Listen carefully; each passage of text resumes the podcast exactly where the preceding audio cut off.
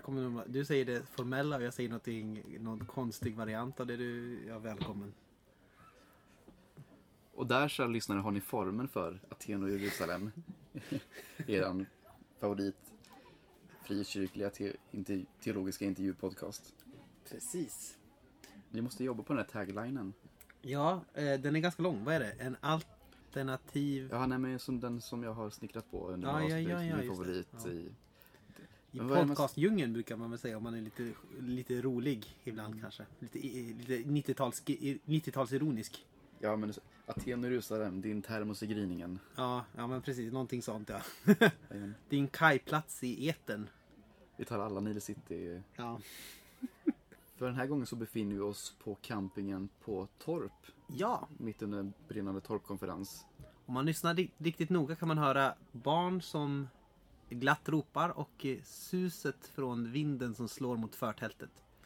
Vi får se ifall ni snappar upp det här, annars får ni helt enkelt bara föreställa er det. Hur, exakt hur pittoresk stämning det är här ute. Mm, precis. Vi eh, sitter här i mina föräldrars husvagn. Ingenting konstigt med det. Inget misslyckande. Och då tänker du att du bara haft en egen husvagn vid det här laget? Nej. Du är inte så mycket för det här, eh, vad kallar man det för? Gemensamt ägande med det här, cool, med det här lite coolare ordet. Eh, som typ skjutsgruppen. egendomsgemenskap? Nej. Eh, Ja men egendomsgemenskap är det klassiska. men okej, du menar det här... Eh, re- Co-owning, jag vet inte vad kallar man för. ja, kanske något sånt där. Eh, nej, jo, jag är väldigt mycket för sånt. Så jag, jag tror att jag... Jag har svårt att tänka mig att jag kommer köpa en husvagn Du kanske... om, eh, inom min närmsta framtid. Men... Eh, jag, Ja, varför, skulle du? Vi Inte för, för min eh, flickvän brukar också skämta med att jag är så extremt att jag, eh, hon tycker att jag är så super asketisk och typ inte aldrig vill köpa någonting och sånt där och man bara, och du vill bara ha en luftmadrass som du kan sova på i ett rum eller något sånt där. Men du, Och då tycker jag ändå att jag är lite, men du pumpar inte upp den med luft, du vill inte, du vill inte, du vill inte göra våld på. Göra, gör- du vill inte göra våld på den kol, på, på, den, på det syre som skulle gått eh, skogens alla fåglar till, till gagn. Jag vill inte tömma ut världssjälen. Men är, det- Superflummig. är, det, är det då du börjar vifta med din iPad och bara jo, titta här, jag har visst Ja. eh, s- såna här Nästan- spexiga prylar. Nästan allting som jag har eh, har jag fått. Eller ah, nästan allting som är dyrt har jag fått på något sätt. Okej, det var vackert fram tills du sa dyrt där, för annars kan man ju bara säga men, ah, liksom, allt det jag har är, till, är mig till låns, allt är en gåva. We are beggars all. Ja, det stämmer ju. En Thrice eh, eh, Referens. albumet. Ja. De har släppt ett nytt Nej, album. men det är kanske främst en, en Luther-referens egentligen. Ja. Att han säger we are, vi är alla tiggare, vi är alla, Ja. vi har allting till låns. Precis, så är det ju. Men Allt nåd. Thrice eh, plockar upp det. Som har släppt ett nytt album. Till Simons glädje. Yes. Thrice. To be everywhere is to be nowhere. Ute nu sen 4 maj. Precis. Eh, det var inte därför vi kom hit för att prata. Vi ska inte prata om det egentligen. Någon, jag, vad, vad Torp gör oss svamliga. Vi, Ja. går, vi går raskt vidare till eh, dagens eh, Yes. gäst. Mikael Hallenius. Ja, vem är Mikael Hallenius? Det kommer han ju svara på lite längre fram. Så. Men Mikael Hallenius är lärare på Missionsskolan. Eh, han är en predikant.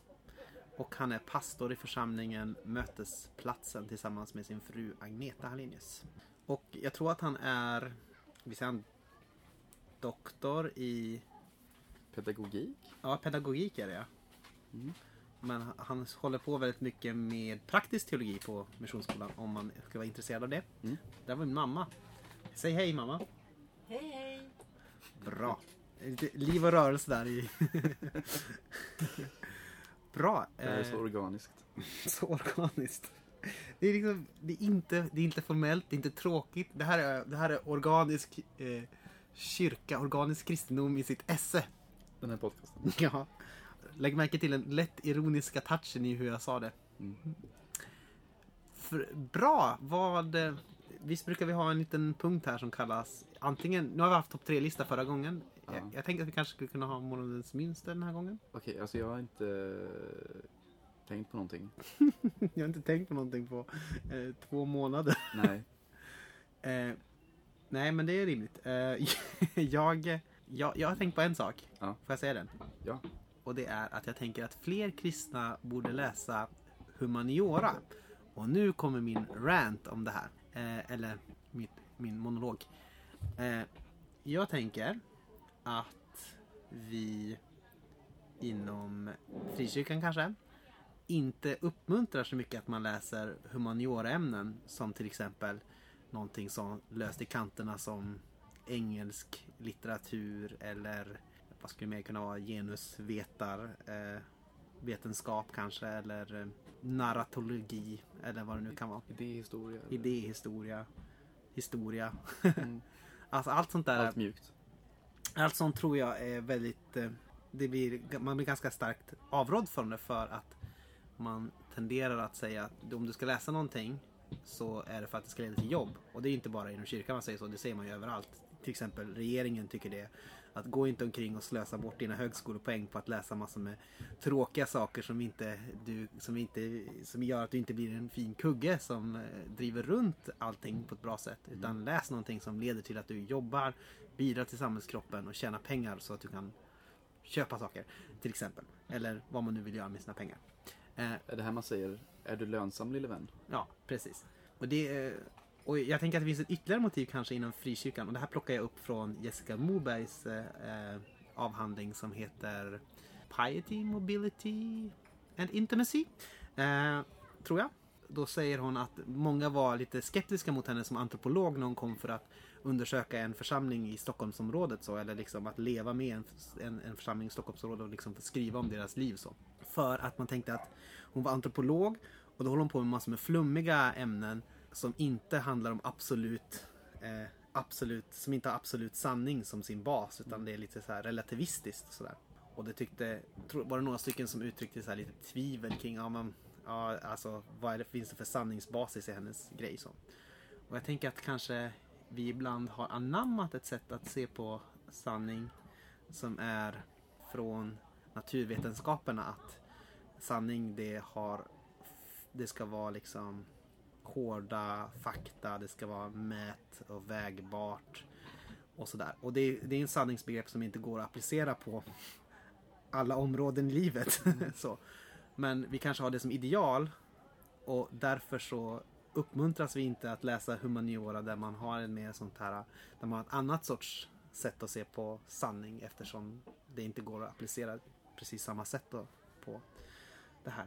Och ytterst sett tror jag att det har att göra med att man är rädd för att till exempel ett sånt sanningsbegrepp skulle kunna öppna upp för massor med tolkningar kanske eh, i, av Bibeln eller så, av kristen tro. Att det inte finns en absolut hård kärna som man kan ta på och sådär. Och därför så kanske det inte, tror jag att man inte alltid uppmuntrar till att läsa sådana ämnen. Men jag tror att det är väldigt viktigt att eh, läsa sådana ämnen som inte är eh, jag tror att det, skulle, att det berikar väldigt mycket vårt eh, tänkande inom frikyrka och sådär. Att vi har eh, de eh, rösterna som, för just det vi har är ju till stor del eh, liv i gemenskap, någonting ganska löst och fluffigt.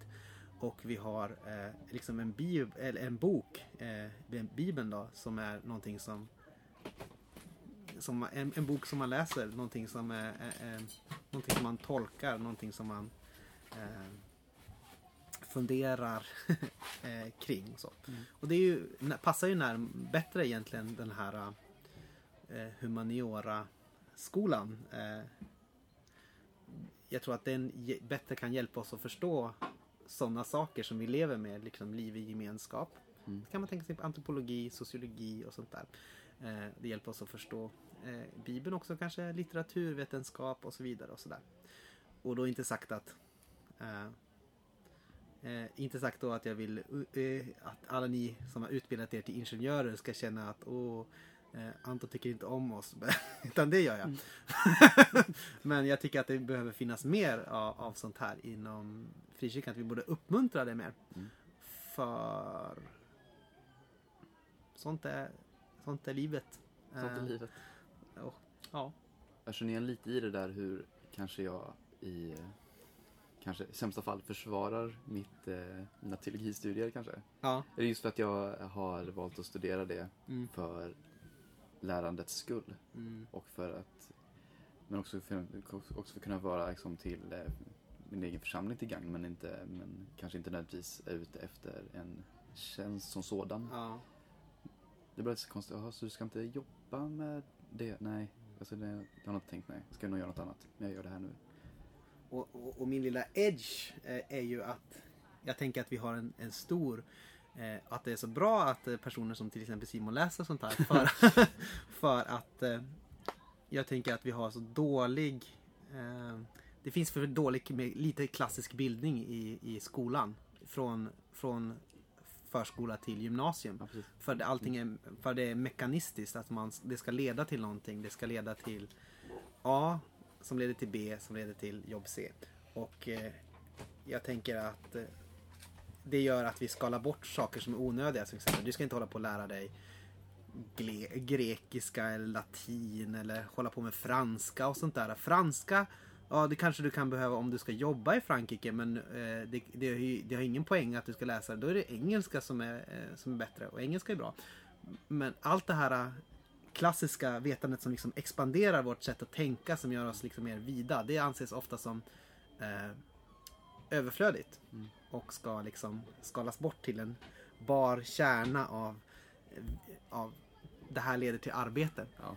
Och Och tryckas ner i en lönsam mall. Precis, och jag tänker att eh, så hade man inte, har man inte alltid tänkt. Utan då tänker man att bild, eh, förut i Europa tänkte man ju ofta att bildning har ett värde i sig. Och att bildning är bra, en bra grej. Och, så. och därför så brukar, jag, så brukar jag uppmuntra folk att tänk inte så mycket på jobb utan läs vad du känner för. Och då kan vissa tycka att det låter som ett övre, mer, övre eh, överklassideal. Du är sådär följ dina Ja, drömmar-person. ja. Och och då kanske det låter som en öv, ö, Det kanske låter som att jag är någon sorts ö, övre medelklassideal där. Men det tänker jag att det inte är. Utan jag tänker att vi behöver det här som människor för att fungera. Alltså vi behöver få in mening, skönhet. Vi behöver liksom Vi behöver se på våra relationer så där. Alltså annars så, eh, så blir vi inte lyckliga. Jobb gör, inte oss, gör oss inte bara lyckliga. Utan Utbilda till ingenjör gärna men fundera på att ta en kurs i, i litteraturvetenskap while you're at it. Så att säga. Why not? Nu pratar jag jättemycket engelska. jag borde slänga in med något franskt citat där bara för att eh, stryka under min punkt. Poäng. Jag tänkte säga någonting på latin. Vi- Victoria Concordia Crescit tror jag. Mhm. Och det är Arsenals... Eh, det är från Arsenals eh, vapen. Ja. Ah, ja. Slut på rant. Slut. Och nu har vi framför oss ingenting mindre än vårt samtal med Mikael Hallenius på Torpkonferensen 2016. Om andlig klarsyn. Mycket intressant. Håll till godo.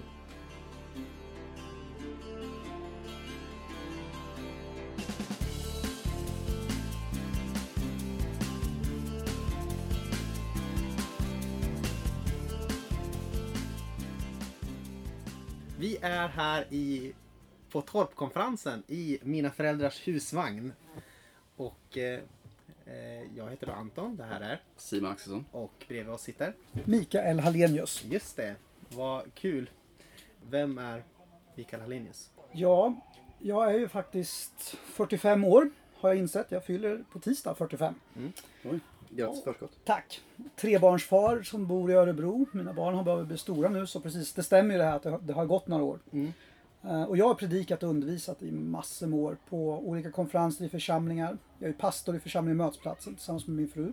Mm. Och det har vi varit sedan 2006 och sen så jobbar jag på Örebro Missionsskola som lärare. Och det har jag gjort sedan 2003. Just det. Så håller jag på ÖSK. Viktig identitetsmarkör. Väldigt Precis. Ni är några stycken i kollegiet, eller är det bara två i kollegiet som håller på ÖSK eller? Jag kan faktiskt inte svara på allas. Alla sympatier. Nej. Ja.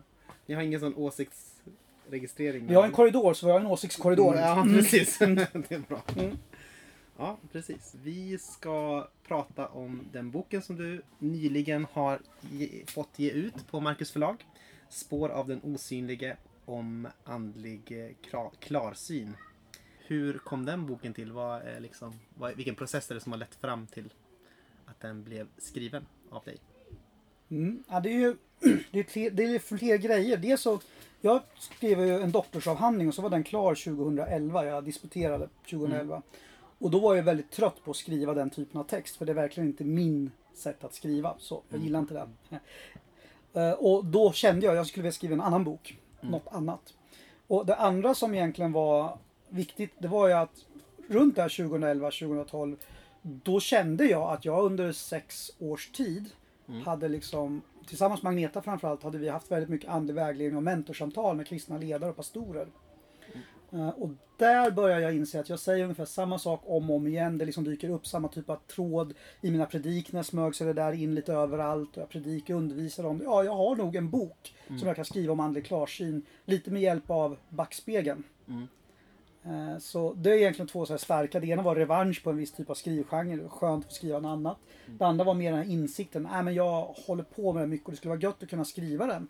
Också för att kunna liksom nästan lämna den. Nu kan ju folk läsa den. Då behöver inte jag gå omkring och vara orädd för att folk ska missa den. Och möjligtvis det tredje, bara så här snabb, är ju att jag kände ju också av det här va, när man tittar på ledarskapsundervisning. För när jag jobbar på Örebro Missionsskola. När man sysslar med ledarundervisning, kristen som variant då, då har vi ju ett litet problem att det inte finns så mycket litteratur när det gäller just andlig fördjupning och ledarskap.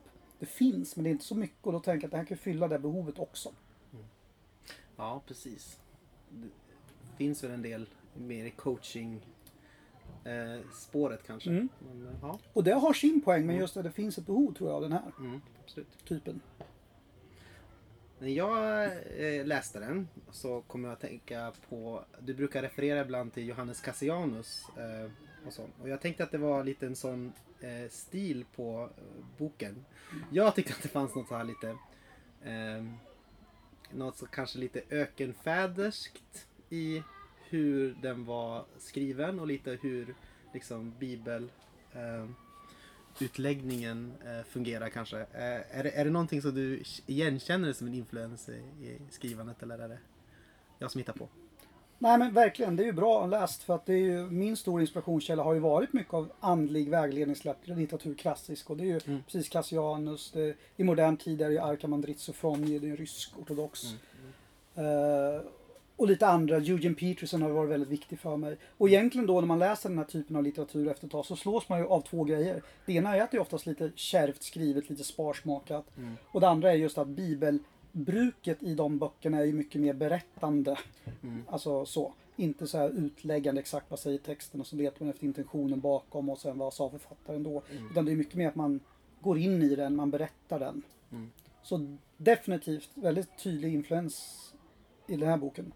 Andlig klarsyn hör ihop med det fysiska ögat. Är ju en poäng som du driver från förordet och framåt.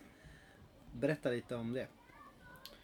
Jag tror att det där går tillbaks, alltså för mitt eget liv om man börjar där så går det tillbaks till, jag är ju tränad i Vineyardrörelsen. När jag kom till tro 1987 så kom jag in i församlingen som var väldigt präglad av John Wimbers undervisning och de som var mina pastorer och ledare hade väldigt mycket inspiration därifrån. Och en av de saker som John Wimber sa, de som var hans lärjungar då, det var ju det när du ber för folk, blunda inte utan titta och försök se vad Gud gör.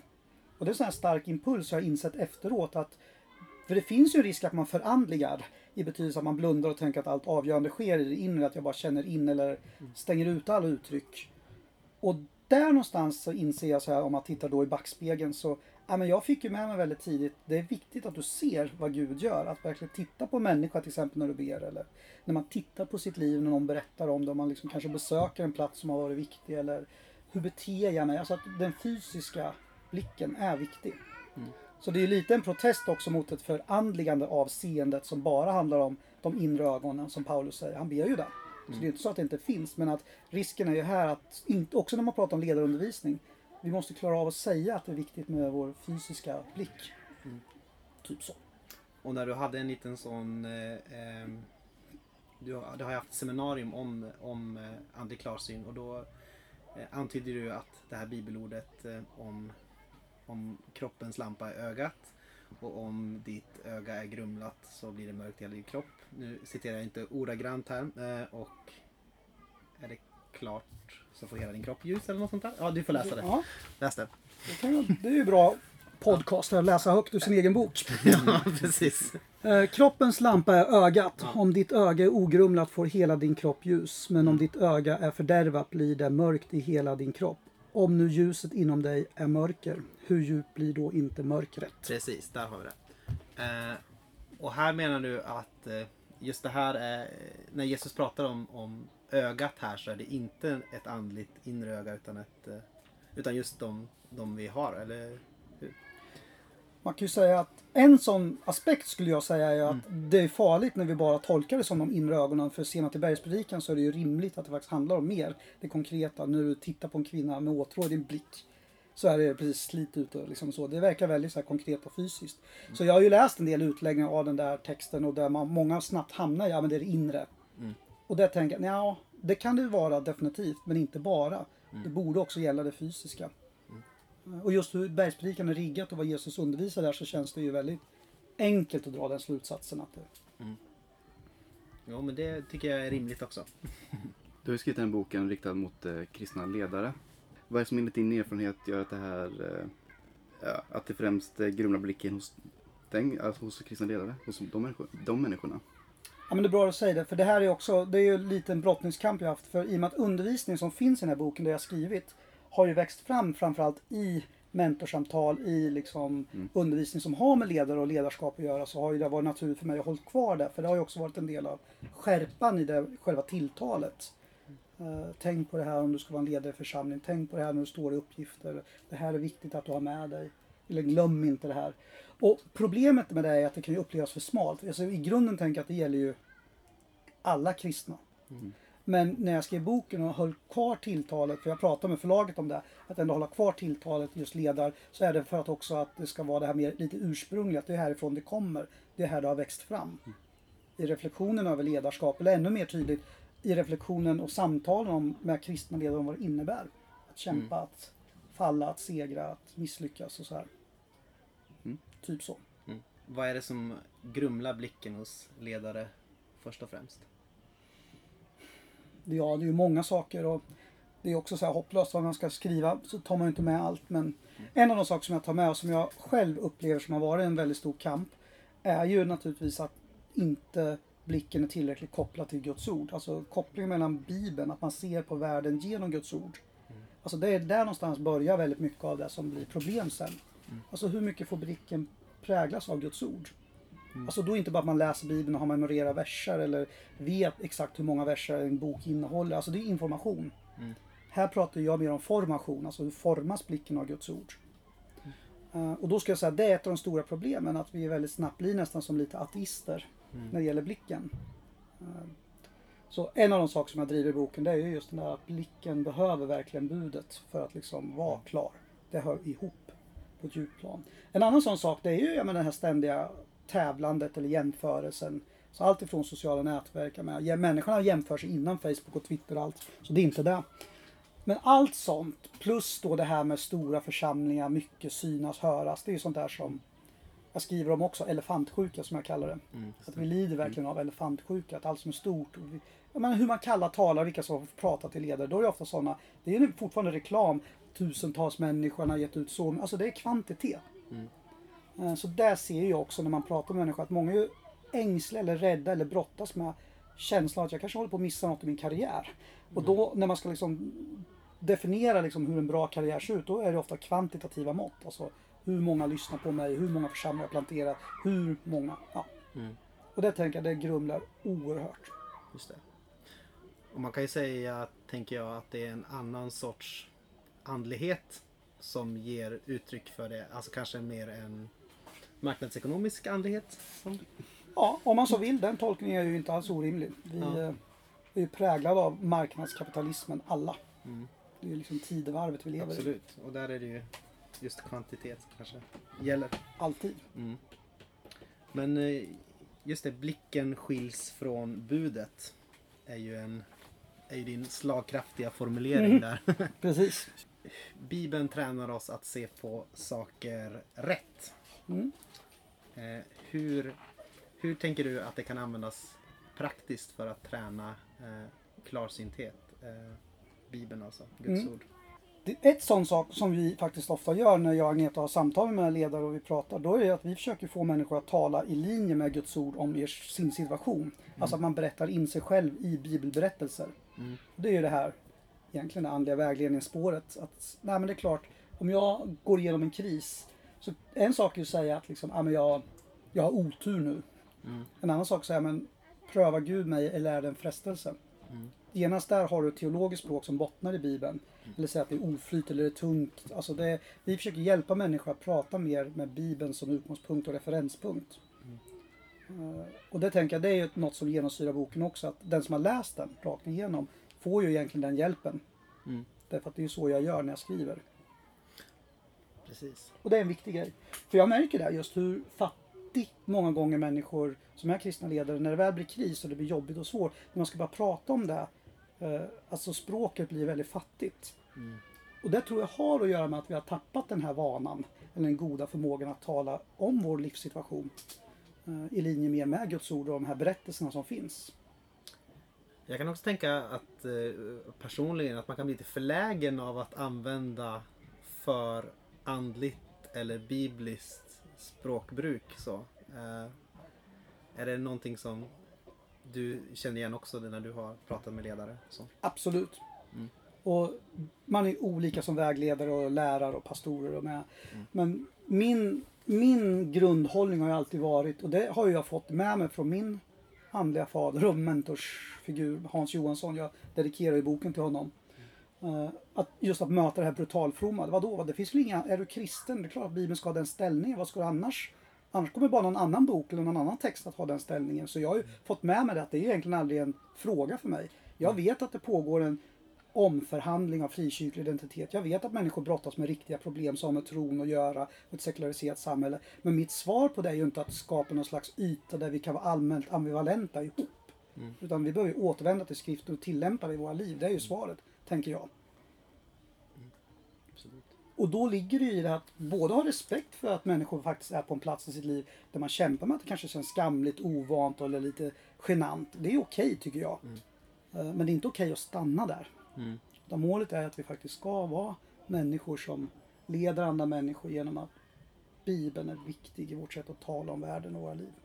Mm. Och det kanske är någonting när man eh, just äldre förkunnare, om man lyssnar på det, att det är väldigt, alltså de behöver inte citera eh, utan det är bara det sättet som de pratar på är liksom bibliskt och man kan liksom höra parallellismer och allting sånt där. Det är lite fascinerande kan jag tycka. Och inte minst om man bara tänker också lite vidga cirkeln så mycket fortfarande är klassisk litteratur. Det finns ju parallellism och väldigt tydliga referenser till liksom bibelberättelser och allt. Ja. Det är hur mycket som helst. Och därför blir det så bekymmersamt va, när de kristna ledare helt plötsligt bara tycker att det är lite pinsamt och känner att det är jobbigt och svårt. Och det tänker jag inte, det är inte något man ska döma varandra för utan hjälpen är ju liksom att ja men det går. Det är där vi behöver peppa varandra. En annat spår som jag fastnade för var det här med eh, att gå tillbaka och liksom följa spår av tillbedjan i sitt liv. Mm. Att vikten av att gå tillbaka till platser där man har kanske fattat avgörande beslut Mm. eh, att följa Jesus eller där man har tillbett Gud, eh, rest altare så att säga. Eh, om du skulle ge om du skulle ge liksom något sorts exempel på det. På vilket sätt förändrar det att gå tillbaka till någonstans? Eh, hur förändrar det blicken på sig själv eller på Mm. vem man är? Precis. Ja, det är ett helt kapitel där jag tar upp sånt som framförallt just i andlig vägledning när man möter människor som säger att det är svårt att se vad Gud gör i mitt liv eller man kanske tycker att Gud inte är god eller liksom så här va. Då tänker jag att det är indraget i det här med minnets kamp mot glömskan. En av skälen till varför vi inte tror att Gud är god. Det är att vi glömmer allt gott som Gud har gjort. Eh, och har man då gjort ett avgörelsebeslut, alltså låtit sig döpas eller på någon ungdomsgård eller liksom någon lägerställe eller ja, det kan ju vara allt möjliga ställen och olika platser där som var viktiga i en skede i livet. Där man oftast sjöng sånger med en djup övertygelse. Eller man bad böner eller liksom så här va. Eh, som format den. Då, då tror jag att det präglar min blick på ett positivt sätt. Lite som när Abraham får se så här altaret igen efter att misslyckas i Egypten och allt var fullständigt kaos. Så står det att Gud för honom tillbaks. Han kommer tillbaks till den här platsen. Mm. Där han en gång reste ett altare. Och då tror jag att det där är ju minnet kickar in. Alltså man blir påmind om vem man var. Och då, blicken då, det fysiska hör ihop då med det inre som jag ändå tror att det gör. Mm. Att om jag tittar då på den här platsen så händer något. Jag kommer ihåg vem jag var. Mm. Och vem Gud var för mig då. Och det kan ju vara som nästan ni vet om man har bilen har stannat på vintern och du ska liksom kö- köra på startkablar. Alltså, det, liksom, det kickar igång något. Och, och då är blicken viktig att jag får se det. Mm. Så jag kan ju nämna ett eget sånt exempel. Det var för ett tag sedan jag var i församlingen, kyrkobyggnaden där jag själv blev döpt. Tittade på den dopgraven. Mm. När jag som 16-åring gick dopets väg. Och liksom bara, oh wow. Och, och, vad, och vad fick du syn på då? Att jag har inte slutat tro. Mm. Det finns en linje i mitt liv att den, det jag sa då, det har faktiskt präglat mitt liv så här långt. Mm. Och för mig blev det så här, jag ville överlåta mig själv och, ja, men, jag vill fullborda mitt lopp. Jag är ju inte den 16-åriga killen längre som stod i den dopgraven. Jag är ju inte honom. Mm. Men den killen finns med i mitt liv och när jag tittade på dopgraven då fick jag ju syn på mig själv som den som sa Mm. Jag har beslutat att följa Jesus och aldrig mer tillbaka gå. Och det, det var en helig stund. Men det är också, då har ju det med minnet att göra, det kickar in. Mm. Glömskan liksom trängs bort och då tror jag att fysiska platser det kan också vara saker, artefakter, alltså, såna, alltså bibeln man läste när man var tonåring, som man strök under eller så här va. Det kan vara väldigt mycket olika grejer. Och nej men det, det är intressant att du nämner det, artefakter och sånt där. Där är kanske eh, i våran tradition har vi kanske haft den här tendensen att just eh, tänka på det inre som det viktiga där saker sker och så. Och kanske ibland undervärderat fysiska platser och, och, och ting och sånt där. Eh, Tror jag. Det gör jag också och det är ju utifrån också mina samtal med ledare när man brottas och det är tungt och svårt. Då blir det nästan som en väldigt viktig del av själva vägledningen att ta sig tillbaks till de här platserna och kanske också fysiskt, alltså åka dit eller besöka eller skicka dem till den och säga kom tillbaks sen och berätta vad du såg. Mm. Absolut. Eh, du nämnde ju förut att eh, vi lever i en tid där vi har elefantsjuka, att det är det som är stort som en elefant som liksom spelar roll eh, och så. Och jag tycker om din utläggning där av Elias tjänare som får gå upp på berget eh, i, i jakt efter då hopp för det här landet att det ska komma regn och så. Eh, gör det inte det, han går ner, han går upp igen, det kommer ingenting eh, och så sen till sist kommer han upp och har han liksom på något sätt eh, får han träna blicken och, och skärpa sig så att han ser den här knytnäven stora molnet som, Mm. som kommer. Och, om, man, om man tänker då på, eh, på till exempel frikyrkan eller kristenheten stort i Sverige så, så är det ju inte alltid en, en, en munter, en munter eh, eh, utsikt att titta på. Utan det, man kan väl säga att det, liksom, det, det går lite, det går lite i, i stå. Eh, minskar på vissa håll kanske är liksom håller sig eh, flytande på andra håll. Så. Men, men vilka liksom, knytnäves stora moln eh, ser du? Ja, en sån, och det är ju faktiskt det är större än det där lilla. Jag tänker att för den där tjänaren på det där berget, oerhört hopplös situation. Mm. Jag tänker om jag tittar ut över Sverige idag och jag hör alla församlingar där man dels betjänar nyanlända flyktingar, alltså de här sista åren, vilket enormt diakonalt engagemang. Mm. Alltså ser man inte det, då missar man ju något. Mm. Så Gud har liksom väckt passion hos sitt folk och jag uppfattar att många kristna organisationer, frikyrkor, är ledande i just den här delen. Mm. Att verkligen, ja, vara aktörer när det blir så här och staten och samhället inte kan så kommer församlingar till. Det är en sån viktig. Och också då kopplat till det att många människor faktiskt kommer till tro i samband med det. Mm. Det tänker jag, det behöver man se. Eh, och det, det ger mig hopp mitt i allt. Och jag ser också, eh, eftersom jag är lärare på en teologisk högskola och sysslar med ledarutbildning, så ser man också en generation av människor som kommer där, framförallt nu, det är också mycket kvinnor. Mm. De sista åren har det varit många kvinnor i våra ledarutbildningar och det är också väldigt hoppfullt med tanke på att det finns en historia av att det inte har varit så. Eh, Och kvinnliga ledare och pastorer som kommer och får möjligheten att, kanske utan att ärva alla jobbiga saker som har varit innan, så kan man få ta steg och liksom gå ut i tjänst på ett sätt. Och det är jag väldigt stolt över. Och jag också ibland när jag hör andra prata om att Åh, det är så jobbigt och svårt och så här, så kan jag men titta här, här finns det ju, det ska vi glädjas över. Och jag tänker på det också kanske att eh, för många, eh, den här flyktingkrisen är ju såklart eh, hemsk och så. Ja. Men för, eh, för många kristna upplever det som att man liksom plötsligt så är det liksom rimligt att vara kristen igen. Eller det, Mm. det finns någon sorts uppgift Ja. i att vara kristen. Eh, så, som kanske man inte har upplevt på ett längre tag. Mm. Jag tänkte på det här med, med tid.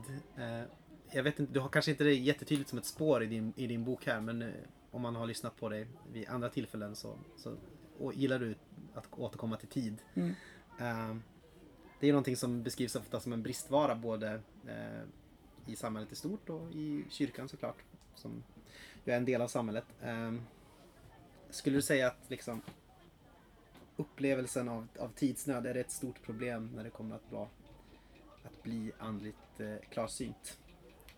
Absolut. Och det här är dilemmat då när man skriver en sån här bok. Jag hade ju funderat på om jag skulle haft en, Mm. ett kapitel om det också. Men jag bestämde mig till slut att inte göra det. Kanske spara det till en annan bok istället. Eh, Men absolut, och då handlar det ju väldigt mycket om det här. Va? Precis som man säger att ja, men vi har inte tid och liksom, vi har för lite tid.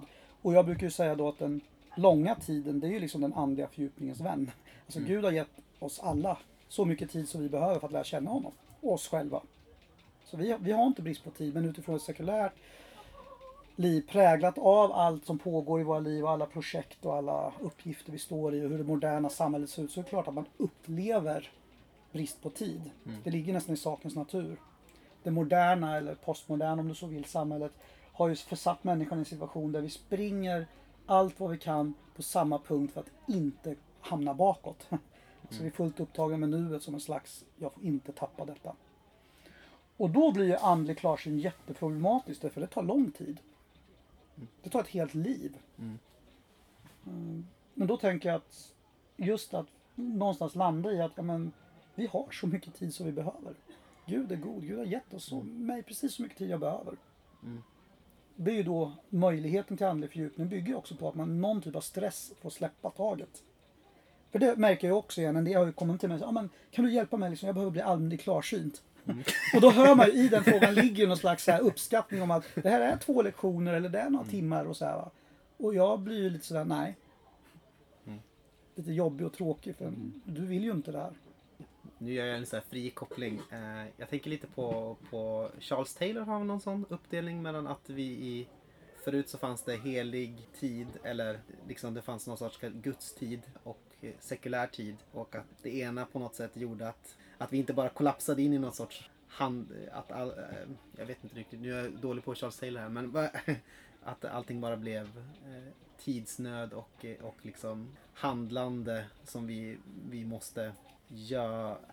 Alltså det blir, inte ba, det blir inte bara att vi måste göra massor av, av saker. Vi måste liksom uppfylla, vi måste rädda världen, vi måste fixa allting. Utan eftersom det finns en helig tid så på något sätt så är det, det finns någonting som, por- som pågår bortom våran kontroll kanske man kan Mm. säga. Och det kan jag tänka på lite ibland när- jag hörde dig prata nu. Ja, ja men det är ju det här med, dels, alltså, man kan ju prata om det som ögonblickets tyranni också. Alltså den sekulära tiden försätter människan i ett gisslandrama där liksom man är helt tyranniserad av ögonblicket. Alltså allt ska ske nu, omedelbart eller på en gång. Och ingen av oss skulle hävda att det är så, men våra reaktionsmönster, vår psykologiska konstruktion blir sån. Och mot det kan ju då den här andra tiden stå där det återkommer. Alltså det blir påsk igen. Det blir liksom uppståndelse. Du kanske är död nu men det, kommer söndag. Alltså den heliga rytmen, apropå Taylor, är ju just en sån viktig yttre referensram för när det kollapsar in i ett slags nuets tyranni, då slås ju alla de där övergripande större rytmerna ut. Så det är en av de saker vi märker av också, jag och Agneta i personliga samtal, just att det största behovet är att hjälpa, eller största, men ett av de stora behoven är att hjälpa människor in i goda rytm igen i sitt liv. Det är därför vi ofta har kalenderexercis med ledare och pastorer. Så hur ser era veckor ut? Det är inte för att vi dyrkar kalendern. Men det är för att man inser behovet är så stort. För folk har ju övergett hela idén nästan på jag behöver en överblickbar rytm. När jag går mellan grejer och saker återkommer. Och i där ligger då det här andliga klarsyn också. Alltså, utan det är det ju också svårt att på lång sikt träna blicken. Gud är ju ganska långsamt om man ser det från, eh, ganska långsam om man ser det från vårt eh, perspektiv. Alltså, frälsningshistoriskt så tar ju Gud väldigt god tid på sig.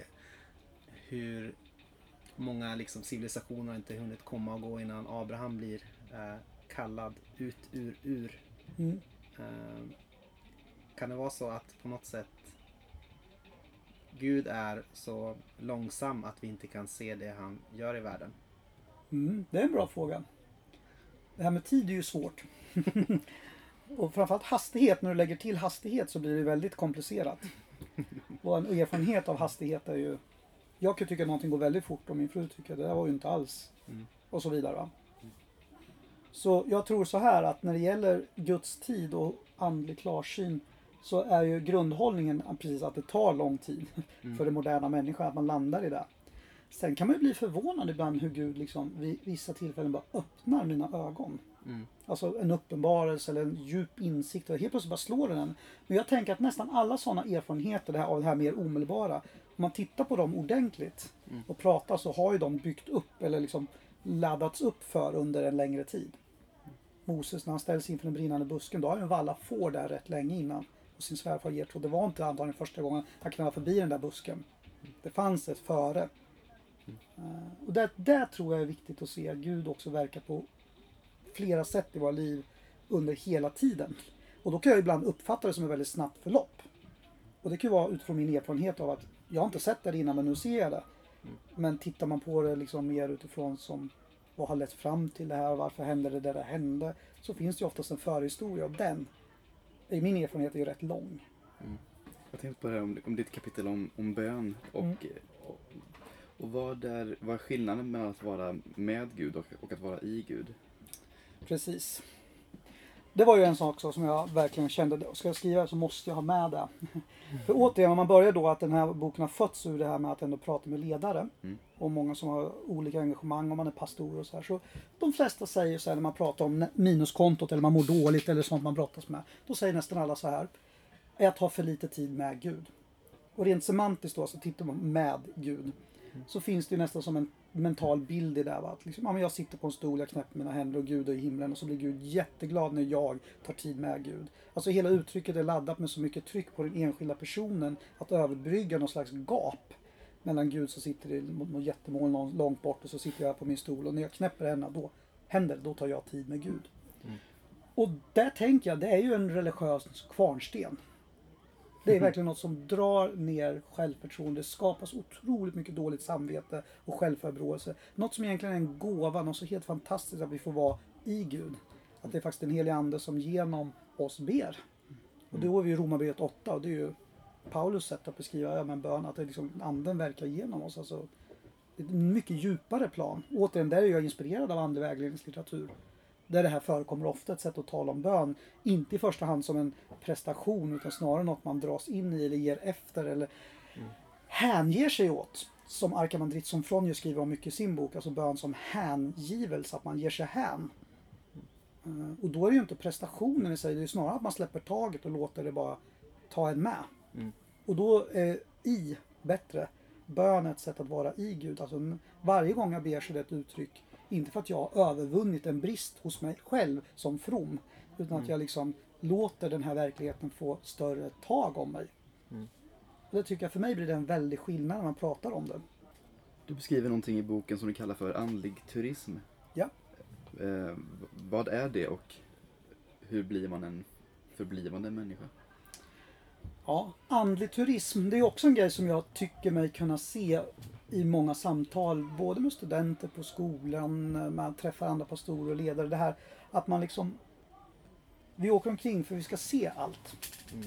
Nu händer något där, nu är det väckelse där, eller här är en häftig bibelskola. Och jag kan ju börja med så att jag inte blir missförstådd. Jag tycker det är fantastiskt att människor möter Gud och kan åka till platser och så. Men det finns ett problem, och det är det jag kallar andlig turism. När det blir liksom i förgrunden, det blir så blir poängen. För då är vi väldigt nära en slags allmän trend i samhället. Det här att resa är intressant eller att en människa som har jobbat på samma jobb i 30 år och aldrig varit utomlands, det kan ju inte vara en lycklig människa. Det ligger så starkt i vår kultur och alltså man nästan dyrkar resandet. Har en person runt 20-årsåldern som säger så här. Jag vill inte resa någonstans. Då är den ett undantag. Därför att det är liksom helt liksom impregnerat. Alla uppfattar det som det mest självklara. Man ska resa iväg, man ska se, man ska ut överallt. Det har blivit som en mänsklig rättighet. Så, jag, är, jag är 27 år och jag, senast för ett par veckor sedan så berättade jag, att- berättade jag att, jag, att jag inte har lämnat Norden. Och det blir ju, Ja. det blir fläm... Ja, men det har hela bordet. Mm, Mm. det är Mm. exakt ett sånt exempel. För det, är, det är ett undantag. Mm. Och det har blivit som en ideologi. Alltså resandet har blivit en ideologi. Och det är därför jag skriver om det. Just att det då kan man ju klä i kristna termer. man är pastor, jag måste ut och se det här missionsarbetet, jag måste göra det, jag måste åka dit. Det, det kan ju bli samma grej, man åker på konferenser överallt för att jag måste bli uppbyggd. Så åker man, ja men när leder du församlingen? Vilka ber du med? Vad är det du egentligen formar över tid? Det är ju sån fråga vi ställer till en del när vi har lite mer skarpa samtal så här också. Men vad är det egentligen du bygger över tid? Visa mig det. Jag blir inte så imponerad, imponerad av att det står massor med restid i människors kalendrar. Jag vill veta vad de bygger och med vilka. Och där ligger det här, för där tror jag att det finns något i andlig klarsyn som handlar om att just förbli, att bli människa som klarar av att stanna kvar. För det lätta idag, det är ju bara att säga att jag ska resa någonstans och alla säger ja det ska du. För att det är så, det är så, alltså det finns nästan ingen som ifrågasätter det. Vilket jag tycker kan bli ett problem väldigt fort. Särskilt om man pratar just om andligt ledarskap som att jag ska vara överallt, jag måste ta input och jag måste få känna in det här och känna. Ja det kan du väl göra men vad är det du bygger med vilka och över tid, hur ser det ut? Så vad skulle du säga är, är skillnaden mellan att vara att, eh, att turista då och Mm. att eh, hämta goda influenser någonstans ifrån? Och, det, och gränsen är ju hårfin och det är Ja. där det kommer in träna blicken. För man, det kan ju se lika ut på ytan men vara olika motiv och så här. Men det är klart, skulle jag citera en bra tänkare på många sätt så är August Strindberg. Mhm. Han skrev i slutet av 1800-talet. Han var ju sur på att folk reste och så här. Så, eh, lite roligt, det är inget nytt utan det här är det moderna samhällsfenomen. I slutet av 1800-talet så blir ju västvärlden och liksom allt, alltså det här vi kallar modernt så här, det kommer ju då. Så han, han klagade ju på att folk reste, inte för att se, utan för att ha sett. Mhm. Det var Strindberg sur på. Han skriver det att folk reser för att, inte för att se, utan för att ha sett. Och det, det är ju det ligger, det är en väldigt snygg distinktion. Alltså den som ser kan ju faktiskt stanna och se något och liksom verkligen. Men den andra, den är där för att ha varit där och sen drar. Mm. Och det är en sån bra i alla fall, Absolut. den kan man använda. Precis. Kanske skillnaden mellan typ en bucket list och eh,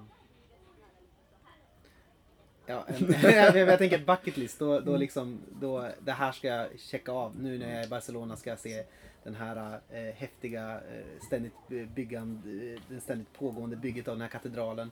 Jag ska Se en se, på Bar- här Jag ska se en soluppgång här. Jag ska se. Barcelona. Ja, precis. Och, eh, och skillnaden då kanske mot att verkligen ta in någonting. Mm. Då. Och kanske låter Ja. allt den, den veckan i Barcelona bli ett möte med en person som får tid. Ja.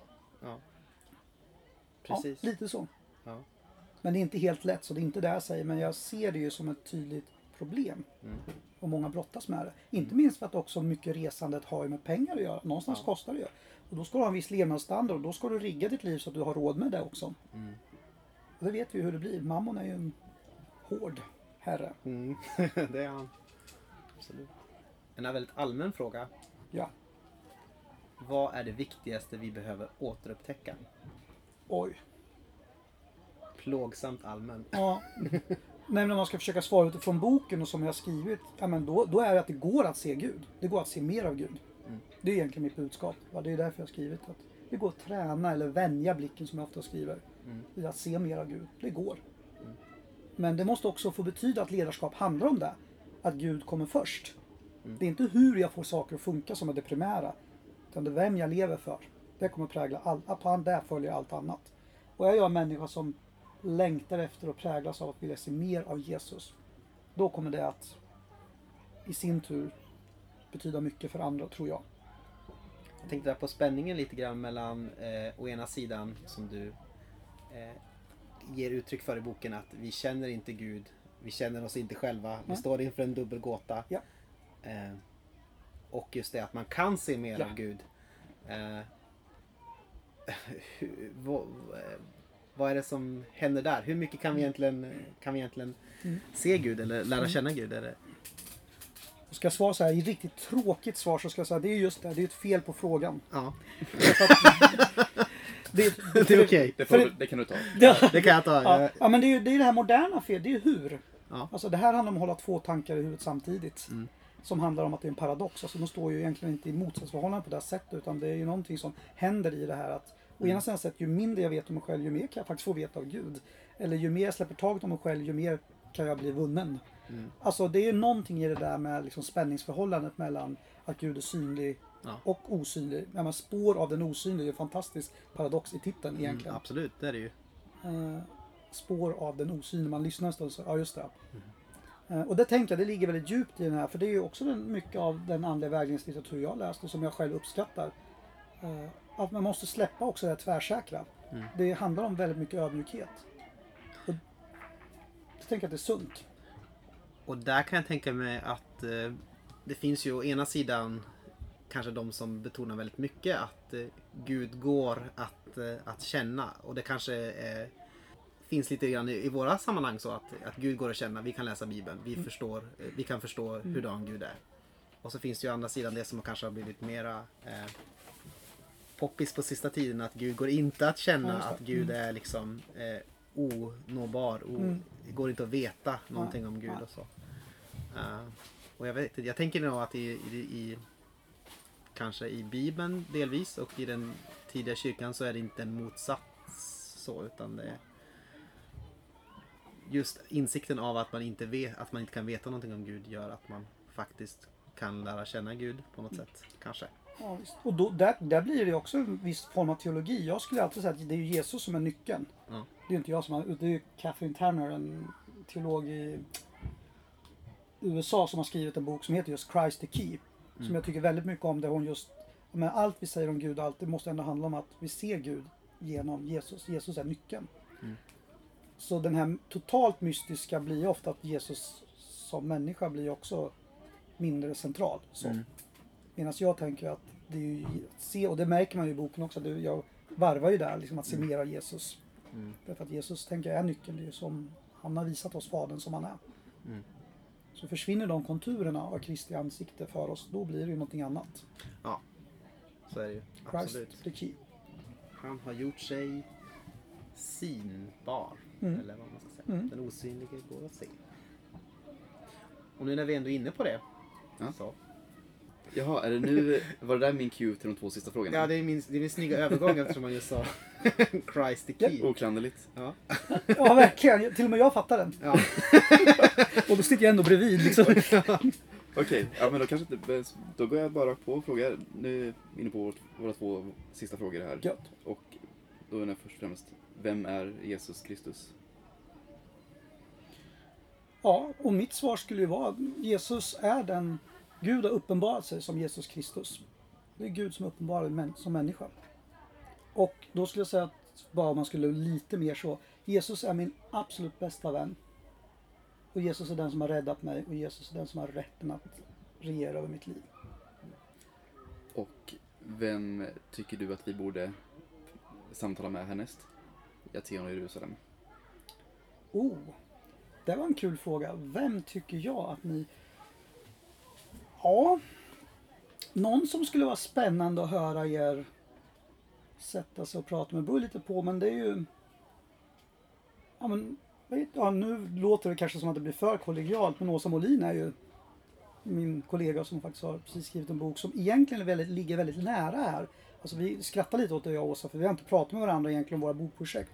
Hon har ju också skrivit en bok som är väldigt mycket om andlig fördjupning och andligt vardagsliv. Så det är lite någonting som vi håller på med tillsammans som kollegium också. Mm. Så jag skulle tycka det var kul om hon fick möjligheten att bli lite pressad och frågad av er och höra vad som kommer ut. Ja, absolut, det ska vara roligt. Vad är den Hemvägen? Heter Ja, det? precis. hemvägen. Och den är väl lite också samma tjocklek. Ja, hon tog i lite mer. Den Ja. är lite tjockare. Den är lite tjockare. Mm.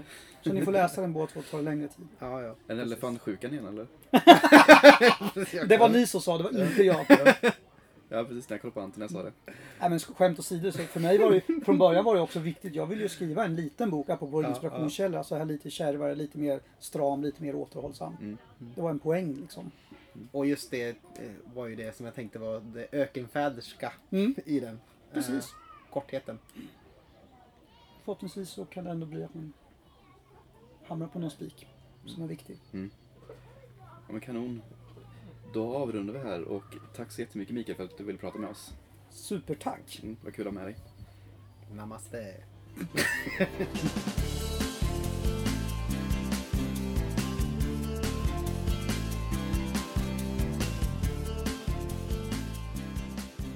Välkommen tillbaka till Eftersnack.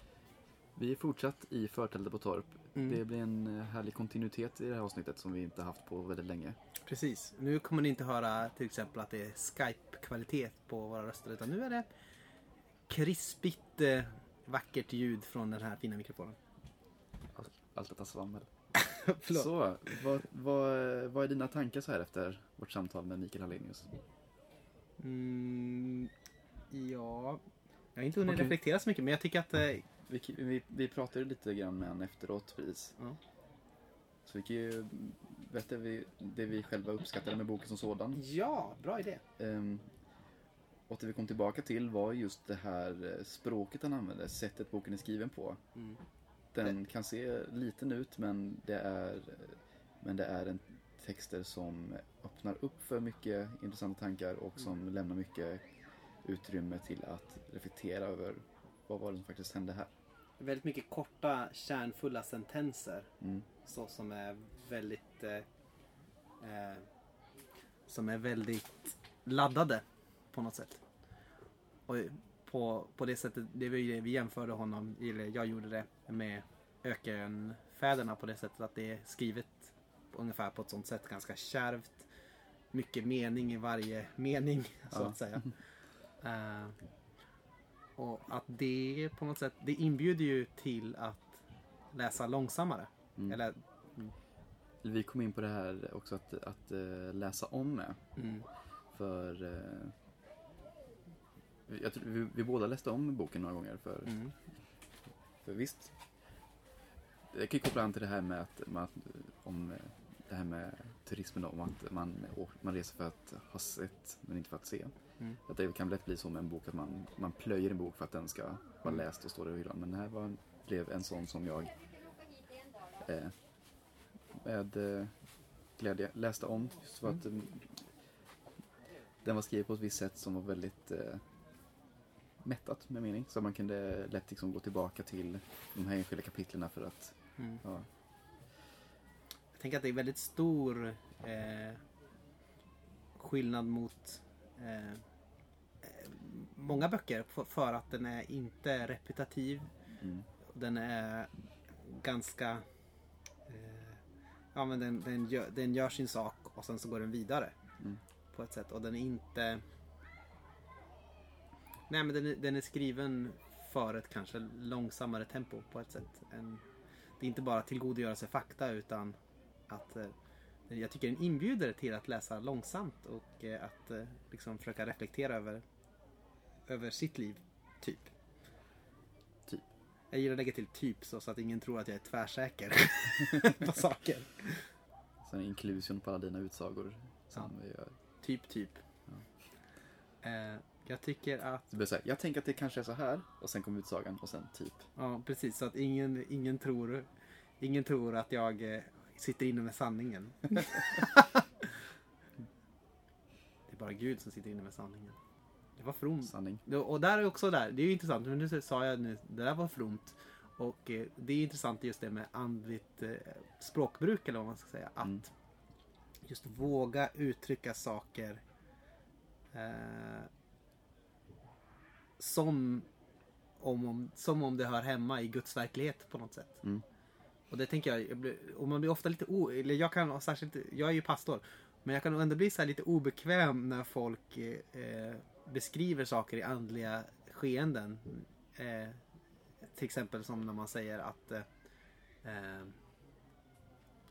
jag vet inte, att man säger att hittade mina nycklar eller något sånt och så. Eh, pris ske Gud, Gud är verkligen med i de Eh, Gud var verkligen med och sådär. Och så sen kan man, kan man i sitt ateistiska sinne tänka ja, du kanske letade på letade lite mer noggrant eller att du fick att du när du stannade upp lite för att be så fick du en sån klarhet. Eh, eller så fick du liksom stressade inte blicken runt och du kunde hitta det.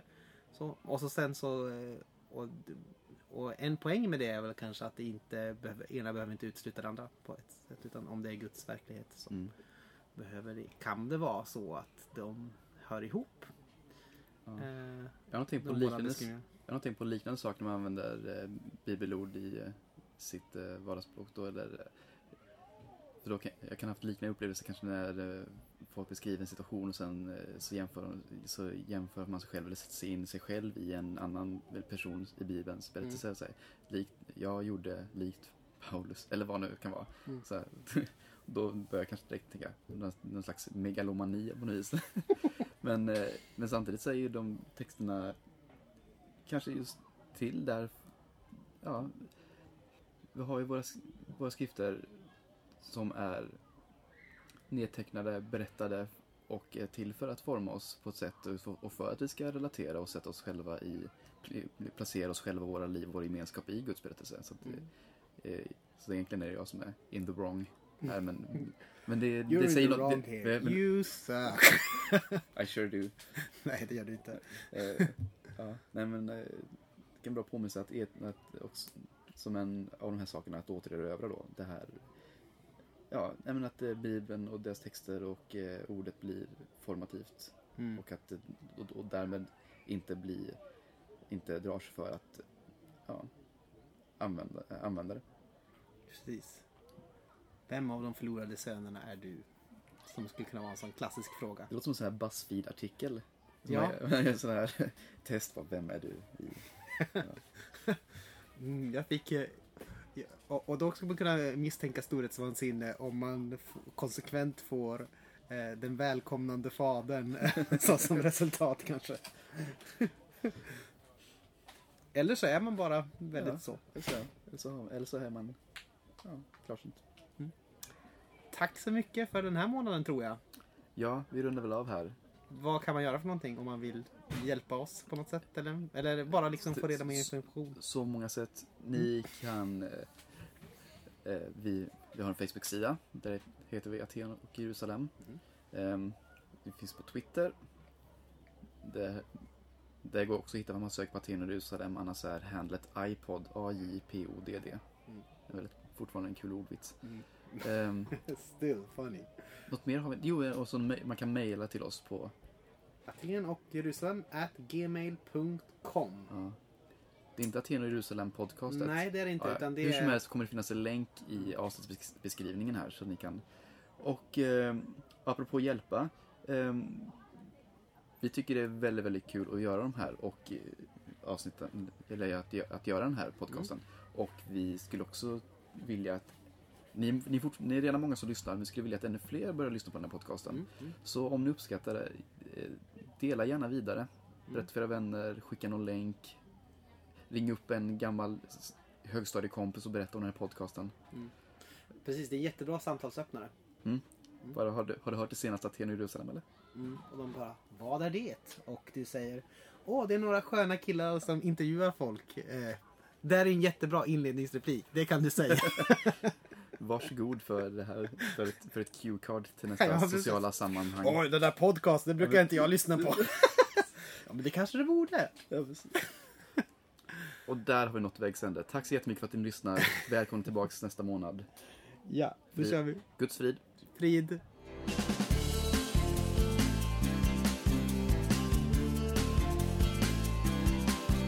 Vi gör så gott vi kan. Jag testar lite ljud just nu. Ja. Vad som känns rimligt. Jag hittar en skön ställning. och sitter Så. Wow! Jätteskön! Jag höll på att dö, såg ni? Ja, jag såg. Jag måste sitta hyfsat nära här också. Så. Kanske sådär.